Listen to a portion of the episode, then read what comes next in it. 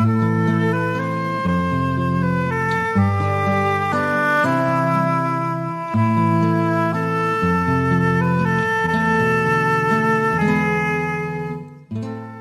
hierdie wonderlike kenwysie van ons beteken net een ding. Kortom. Baie welkom by Kortom. Baie welkom by Storytyd. Vanaand gaan ons luister na 'n verhaal van Petra Müller. Ons het so lank laas na haar geluister en dit ontstel my. Kom ons luister. Die verhaal se titel is Waar son en maan verbykom en Jana Strydom gaan dit vir ons lees. Lekker luister. Dit was 'n toeval van my werk wat my by die egpaar tuis gebring het. Ek het daardie somer taalnavorsing gedoen na Nama-woorde wat in Afrikaans oorgegaan het en dit het my ver van die gebaande weë in die napaadjies van stormloop gebring. My pa was aanvanklik ontevrede oor hierdie vakansiewerk van my. Ek het verduidelik dat dit 'n noodsaaklike onderdeel van my skripsie was. Toe was hy tevrede want pa is altyd met belange van geleerdheid te vang. Tog moes hy môre voordat hy my die jeep sou leen. Stormloop, Dis 'n plek waar net die son en die maan verbygaan. Die mense se verstand is almal kaiing gebrand en as jy terugkom sal jou bietjie dink ook opgedroog wees, maar gaan as jy moet. Die plek het in die Engelse oorlog sy naam gekry toe 'n verdwaalde kakigroep in die naderdraai van Smit se noordelike strooptogte op 'n dag in 'n leegte beland en 'n paar droë boomstompe storm geloop het in die waan dat dit 'n boerepatrollie was. Dit het groot gelag veroorsaak in die wye land rondom en tog was dit te verstaan. Stormloop was 'n plek waar 'n mens maklik in 'n waan kon kom en drogbeelde begin sien. Ek het my bewapen, want ek het darm groot geword aan die rand van hierdie veld en weet wat sy somers beteken. Ek het 'n donker bril gedra, 'n wye rand hoed en lang mou kakie hemde wat ek my pa geleen het. Weke lank het ek die stofpad voor my gehad. Onderbreek deur die besoeke aan meestal armoedige wonings waar ek en die huisvrou of ek en die huisbaas later onvermydelik ek in die kombuis hulp woorde sit en uitbleis het. Die mense was roerend gretig om hulle kennis met my te deel. Ook hulle gasvryheid, sagte bokvleis, droë perskes en karringmelk uit 'n emalje beker. Maar wat maak keer juffrou dan om in die somer die werk te kom doen? het hulle keer op keer gevra. Dis mos iets wat bly vir die winter. Die jeep is nou al goed en wel, maar as juffrou 'n slag vasval, kan 'n mens lekker staan en uitdroog in die wêrelde.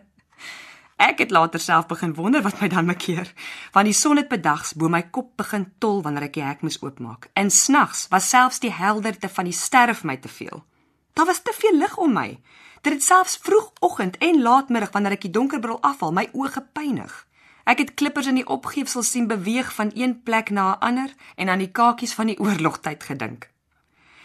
My tog het 'n taamlike wye draai deur die land gemaak en my met 'n lang boog op die terugpad gebring. Ek was aantors vir die waters van my eie werf, die koel geselskap van my mense en die stiltes van ons plaashuis. Miskien moes die ding my juis op daardie oomblik tref. Dinge gebeur mos so. In jouself maak jy 'n watertjie van jammer te wakker en dit loop op onverwagte plekke. Ek was nie aandagtig genoeg nie. My my vinger het verkeerd oor die kaart geloop en ek het verdwaal.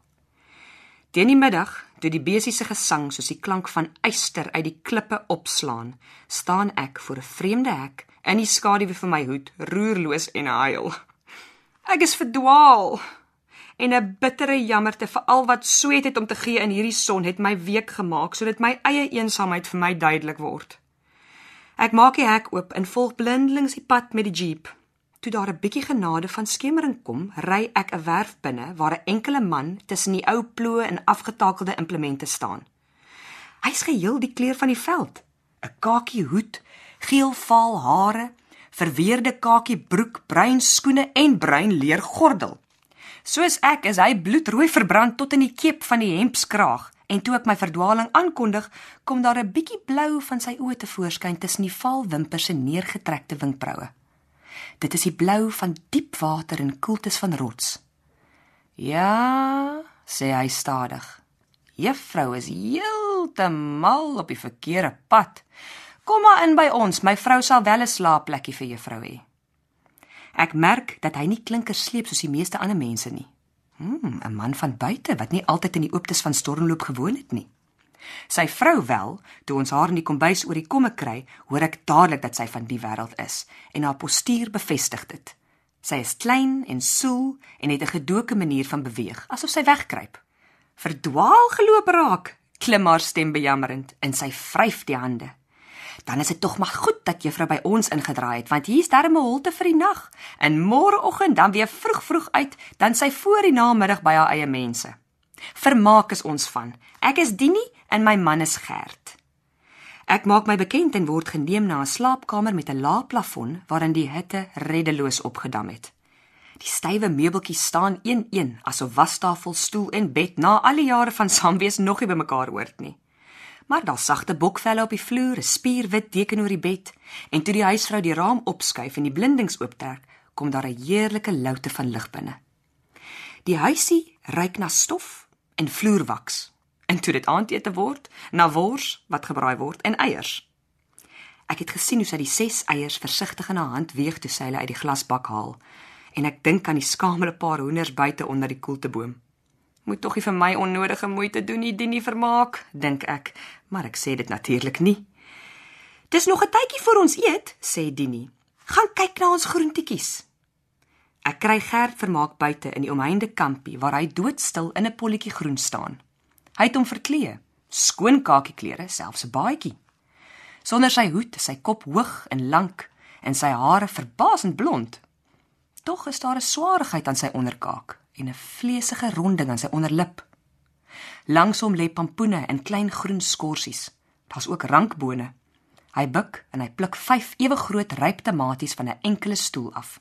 Toe hy my sien, kom hy oorent, maar hy sê niks. "Dit is ons plesier in die lewe," roep Dini agter my aan. "Sodat jy kan sien dat ons nie darm net met klippers boer nie." Sy wys na die swart eysterklippe wat opgestapel lê in die leegtes. Ek lag gedienstig, maar die man gee geen blyke van deelname nie. Hy lig sy kop en kyk weg na die gepunte bergie waaruit die skaduwee trek wat oor die werf lê. Ons het 'n soet boor gehad, sê hy. Dit het met die berg te doen, maar ek weet nie hoe nie.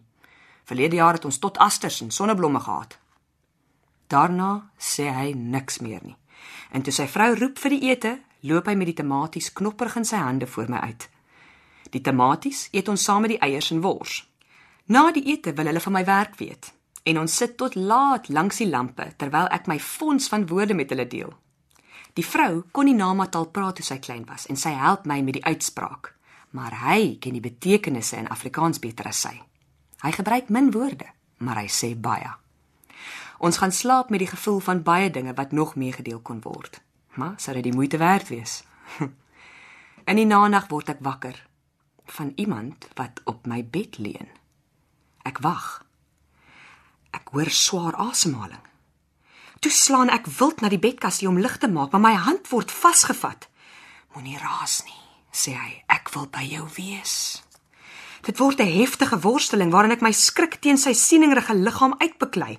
Hy steen saggies telkens wanneer ek hom tref, maar hy hou aan om met paaiende woorde my ledemate vas te gryp. "Wees stil," sê hy. "Ek sal niks aan jou doen nie." Dit voel my of my hart klop die hele huis vol. Hy's sterk en taai, maar hy het nie my teenstand verwag nie. Ek gooi die beddegoed oor hom en spring eenkant toe uit tot by die venster waar ek met my hande op die breë bank gestit staan en wag dat hy weer moet kom reg om uit te klim. Maar hy kom nie. Ek hoor hom asemhaal by die bed. En toe draai hy om en stap stadig by die deur uit waar ek sy figuur kan onderskei. Hy skuifel weg. Die res van die nag sit ek aangetrek op my bed en toe dit oggend word, is ek verlig. Ek dink daaraan dat ek nie eenmal uitgeroep het nie. Met breakfast sit hy in sy gewone werksklere aan tafel. Ons eet pap en drink melk wat in die nag uitgekoel het. Daar's nog een tamatie oor en hy gee dit vir my aan. Sy vrou sny dit vir my vir 'n padbroodjie en hy kyk totdat sy die laaste rooi ringetjie oor die brood lê. Toe groet ons en na bedankings op die werf ry ek. Hy breek weg en stryk kraal toe aan terwyl ek om die woonhuis ry. Toe ek by die hek buite die werf kom, staan Dini vermaak daar. Sy het reeds 'n kappie op. Die hek is oop en ek hou stil. Ek wil ten laaste bedank, maar sy vee my woorde weg. Jy moet tog asseblief nie sleg dink nie, sê sy toe. Ek probeer onder die tyd van die kappie inkyk. Van my man nie, voeg sy by. In die stilte wat volg, voel ek hoe dat die hitte van die komende dag teen ons albei aanstuit. Ek is gewoond aan hierdie wêreld, maar hy kon nooit hier wen nie. Ek het die grond geërf en hy het hier kom boer, maar dit het vir hom te alleen geword. Hy is die geselskap gewoond nie. Ons kry so min mense. Haar woorde is 'n versoek. Moenie gaan vertel nie. Julle was goed vir my, sê ek vir haar. En my woorde beteken ek sal nie. Teen die middag kom ek op my tuiswerf aan en toe ek die jeep in die waanhuis trek, hoor ek hoe dit my pa oor die werf roep. Dag vreemdeling. Later, toe ons met lemoenstroop en koerante op die systoep sit, vra hy my: "En wat het jy nou eintlik in stormloop gesien wat nuut was vir jou oë?" ek het die son en die maan sien verbykom, pa, sê ek.